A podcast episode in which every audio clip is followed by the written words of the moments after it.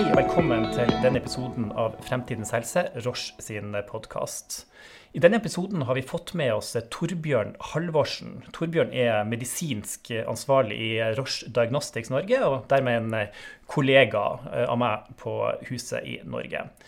Ja, God morgen, Torbjørn. Hyggelig å ha deg med. Jo, God morgen, Hans Hyggelig, hyggelig å få, få lov til å være med. Hvordan står det til? Du sitter på samme måte som meg på, på heimekontor. Det har vi jo gjort noen uker nå. Hvordan er det å, å jobbe hjemmefra? Jo, det jo, det er jo, både fordeler og ulemper med det. Jeg syns det fungerer bra. Vi er jo vi er fem stykker i familien, så det blir litt armer og bein av og til. Men jeg syns det går overraskende bra. Ja. Du jobber også som, som, lærer for tida, da forstår jeg? Ja, delvis. Litt, litt, gymlærer og litt mattelærer og litt alt mulig. Da får jeg trimmet litt, jeg også, da, med ja. gymlærer. Ja, man får virkelig prøvd, prøvd talenter på, på, flere felt. Ja, ikke sant. Ja, Men um, i yrkeshverdagen din, Torbjørn, hva er det du jobber med i, i Roche Diagnostics sånn i, i, hovedsak? Du, jeg, jeg, leder en avdeling som driver med det som i Roche Diagnostics som driver med det vi kaller medical affairs. Altså hvorfor skal vi egentlig bruke de testene vi har. Uh, market access, som er type sånn Er de testene vi har verdt de pengene som vi vil ha for dem. Og også noe som heter business development, hvor vi ser på nye ting om det i det hele tatt passer i det norske markedet eller, eller ikke. Nettopp. Du har vært ganske mange år i, i Roche, Torbjørn. Du har jobba både i, i, um, i legemiddeldivisjonen vår, og nå jobber du som sagt i, Diagnostics. Hvor lenge du har um, vært del av selskapet? Jo, jeg er jo på min andre runde, som du, som du antyder. Jeg var først uh, ti og et halvt år eh, i, eh, i legemiddeldelen av, av Roche. Eh, så forsvant jeg ut av Roche, var borte to og et halvt år. Men så kom jeg tilbake da, til den diagnostiske delen, hvor jeg nå har vært i drøyt fire år. Ja, Så snart, snart 15 år da, til sammen. Nettopp. Du er jo farmasøyt eh, av bakgrunn. Um, er, det en, er, det en, utdannelse som også kommer um, til nytte i, i diagnostikkdivisjonen, eller var det liksom noe som måte var uh, mer relevant i, i farma? Jeg vil nok si på mange måter at det var uh, minst, i hvert fall like relevant i farma. Men jeg tror mye av den kunnskapen jeg har fått med meg fra farma, er veldig nyttig å ha med til diagnostikkdivisjonen. At, eh, at jeg kan ha med meg en forståelse også av hvilken plass disse testene har. Mer enn rent sånn logistikk mm. og mm. messig, som er veldig viktig for diagnostikk. Altså. Men uh, å se det litt bredere, det tror jeg er veldig viktig. Det har jo vært en del oppmerksomhet rundt um, testing nå for, um, for uh, koronaviruset. og Der spiller jo også vi i Roche uh, en rolle.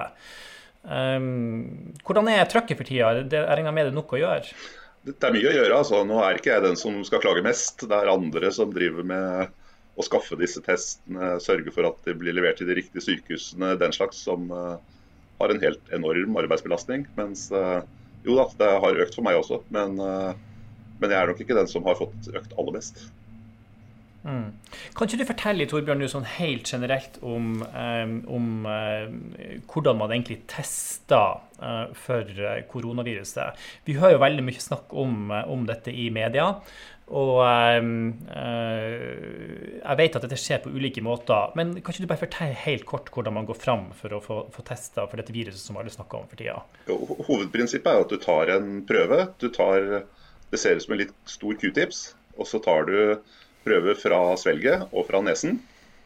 Og så putter du det i et reagensrør, og så blander du forskjellige reagenser som gjør at du kan skille ut arvestoffet i viruset. Og så lager maskinen veldig mange kopier av det arvestoffet. Og så leter den etter arvestoffet. Og mange tester leter da etter to mål, sånn som hvis du, hvis du har en hånd, så kan du lete både etter en tommel eller en pekefinger. Og uansett hvilke av de to du finner, så vet du at det er en hånd. Sånn at hvis tommelen skulle være borte, så kan du likevel vite at det er en hånd fordi du finner pekefingeren. Det er en slags sikkerhetsmekanisme i tilfelle viruset forandrer seg. Nettopp. Men hvor, hvor sikre er disse testene? Altså hvis man først får et positivt eller et negativt utslag, kan man være helt trygg på at det er riktig, eller? Disse testene er, er, veld, er veldig sikre. De som både de som, de som, vi har, de som andre har, de som laboratoriene har laget selv. Det er, det er god kvalitet på mm. testene. Det kan man være sikker på. Men det har også vært en god del snakk om såkalt hurtigtesting. Det er en annerledes teknikk, så vidt jeg har forstått? Ja, litt både òg, faktisk. Det spørs hva du undersøker. Jeg har sett nå at det kommer tester som egentlig ser på det samme. Men det er også hurtigtester som leter etter, etter antistoffer. Og da leter man ikke lenger etter virusets arvemateriale, men stoffer som kroppen lager for å angripe viruset. Og Det betyr jo at da må du ha hatt viruset i hvert fall så lenge at kroppen har rukket å lage disse stoffene. Mm. Men det, det, er veldig nyttig det også, for all del. Og så er det sånn at, eh, så vidt jeg har forstått, eh, eh, det å utvikle en test for et virus som dette, det er ikke noe som er gjort i ei håndvending. Det har tatt litt tid, rett og slett. Ja, det har faktisk gått overraskende fort. Mye fortere enn vanlig. Eh, men noe tid må det jo ta, fordi først så må man finne, siden vi leter etter arvestoffet, så må vi finne ut hvordan arvestoffet til viruset ser ut. Og så er jo dette et helt nytt virus. Da må man lage en test som faktisk klarer å finne det arvestoffet. Så det er på en måte, det er ikke noe man kan ha klart, fordi man må vite detaljer om det før man kan lage testen. Nettopp.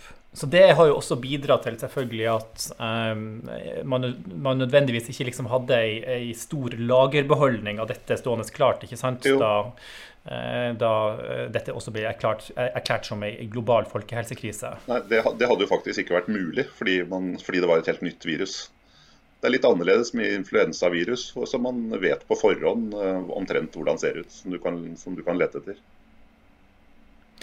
Og så ser vi i media også for tida at det er en del eh, laboratorier som faktisk også har virkelig um, stått på knallhardt eh, over um, de siste ukene og, og, og månedene og utvikla nye nye testmetoder. Her ser vi virkelig liksom at både myndigheter, sykehus, mange laboratorier gjør en strålende innsats i, i fellesskap. Um, her er det vel viktig sant, at, at, alle løfter sammen?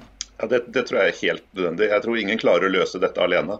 Altså Både myndigheter og laboratorier og også leverandører har stått på, virkelig stått på. Og, og, det er bare sammen vi kan løse dette.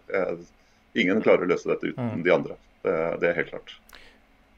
Du har jo, som vi var inne på, Torbjørn, en lang erfaring fra Roche, fra bransjen, fra eh, det å jobbe opp mot, mot helsetjenesten. Eh, har du før opplevd eh, noe tilsvarende av det vi, vi står i nå? Nei, ikke på samme måten. Det, det, var, det var, mye oppstyr rundt svineinfluensaen for, for, en del år siden, men ikke på tilsvarende nivå som nå. Det, hva, det som er, hva er det som er annerledes, føler du? Jeg tror det som er annerledes, er at det er helt nytt. Eh, sånn at eh, alle må på en måte lage helt nye rutiner på alt. Og alle, i hvert fall i Norge, skjønner at vi må jobbe sammen for å løse dette. At det ikke nytter å mm. grave seg ned i skyttergraver og peke på hverandre, men at, at vi faktisk må ta løftet sammen. Noen av oss kan jo, både som du og jeg nå, vi kan sitte på, på heimekontor og, um, og, jobbe derifra. Men eh, dere er også ganske mange i Roche Diagnostic som uh, er nødt til faktisk å være ute på, på klinikkene, ute på, på laboratoriene. Um, hvordan er, det, er det, hvordan er det å ivareta den type ting i en situasjon som den vi står i nå? Jo, Vi har jo serviceingeniører som er ute. Du kan sammenligne når du har bilen din på service. De er, ut, de er, bortsett fra at de må ut på sykehuset eh, og sørge for at eh, analysemaskinene på sykehuset fungerer som de skal. Og gjøre det vi kaller preventivt vedlikehold. Altså type ha inn bilen din på årsservice for, for å sikre at maskinene fungerer. Og Vi begynte jo veldig tidlig der, lenge før det var snakk om hjemmekontor, å skjerme dem for at de ikke skulle bli syke. Så de fikk beskjed om å holde seg unna kontoret lenge før resten fikk gjøre det. For de kan jo ikke dra rundt på sykehuset og være syke. Så de uh, var veldig viktig at de holdt seg friske. Nettopp, ja. Ja, for det er, vel, eh, det er jo ganske avanserte maskiner og instrumenter, dette, som eh, ikke hvem som helst kan, kan sørge for at er oppe og går. Og så vidt jeg forstår, så er det jo enkelte som faktisk bruker disse instrumentene nå faktisk døgnet rundt. Ja, det er veldig spesialiserte maskiner. Så vi har Vi har en stor gruppe ingeniører som, som, kan disse maskinene. Og de kan hver sine maskiner, for vi har mye forskjellige maskiner rundt omkring. Så det er ikke sånn at alle kan skru på samme maskin heller. Så det, dette er veldig spesialisert. Nei, men Det er i hvert fall godt å se for en fantastisk innsats de gjør i det som er en krevende tid ikke sant? For, for, for hele helsetjenesten og samfunnet som sådan. Absolutt. For, for hvis, hvis, maskinene går i, går i, stå, så får vi jo ikke testet. Og det gjelder ikke bare koronavirus, det gjelder jo alt vi tester for i helsevesenet. Nettopp. Du Torbjørn, eh, du har, vært lenge i Roche og eh, som sagt eh, kjenner både legemiddeldivisjonen og du kjenner diagnostikkdivisjonen godt. Hva er det som gjør at, at ja, det kan være en fordel en måte å ha begge disse to beina å stå på? Begge disse to divisjonene under samme tak? Jeg tror at når vi snakker om persontilpasset behandling eller skreddersydd behandling, eller, eller, hva du vil kalle det, så, så, er det viktig å plukke ut pasienter som vil reagere på forskjellige legemidler eller andre typer behandling, for den saks skyld. Eh, hvem som vil ha mest nytte av det, hvem som eh, er i fare for å oppleve flest mulig bivirkninger. Altså prøve, prøv å gi rett pasient rett behandling til rett tid, rett og slett. Og Da tror jeg man er avhengig av både diagnostikken for å finne disse pasientene, og selvfølgelig også legemidlene for å behandle de som trenger det, og som ikke får for mye bivirkninger av det. Så god diagnostikk, ikke sant? Ja. Det, det, er avgjørende rett og slett for å også få valgt riktig terapi. Ja, og da også for kostnadene for helsevesenet, sånn at vi ikke sløser med penger på ting som ikke vil ha effekt, eller gir eh, bivirkninger som ikke er håndterbare dette med persontilpasset medisin det er jo et, et, stort satsingsområde både for oss i Roche og, og, og um, for uh, veldig mange andre aktører innenfor helsetjenesten, og også for myndighetene. ikke sant? Mm. Du, var, du, var, jo inne på opptil flere ting her uh, som um, er blant virkelig de store fordelene ved å, ved å, satse, ved å satse, på dette feltet. Føler du liksom at vi i Norge er, ja, er vi i, Ligger vi godt an i liksom det globale kappløpet nærmest som vi, vi ser innenfor persontilpasset medisin? eh, ja, men vi kan, vi kan, nok bli bedre. Det, det vil jeg si. Vi, vi ja, nettopp. Ja, det var et godt og diplomatisk eh, svar, Torbjørn. Uansett, eh, Torbjørn, virkelig flott å ha deg med i, i denne podkasten. Og, og, veldig fint å få lære litt mer om, om diagnostikk, og også hvordan Roche Diagnostics jobber nå i forbindelse med, med, koronaviruset. Tusen takk for at du, du tok deg tid til å, å, snakke med oss. Jo, tusen takk. Veldig hyggelig å, å, å snakke med deg. Og og spille inn dette. Det var, eh, var moro, dette.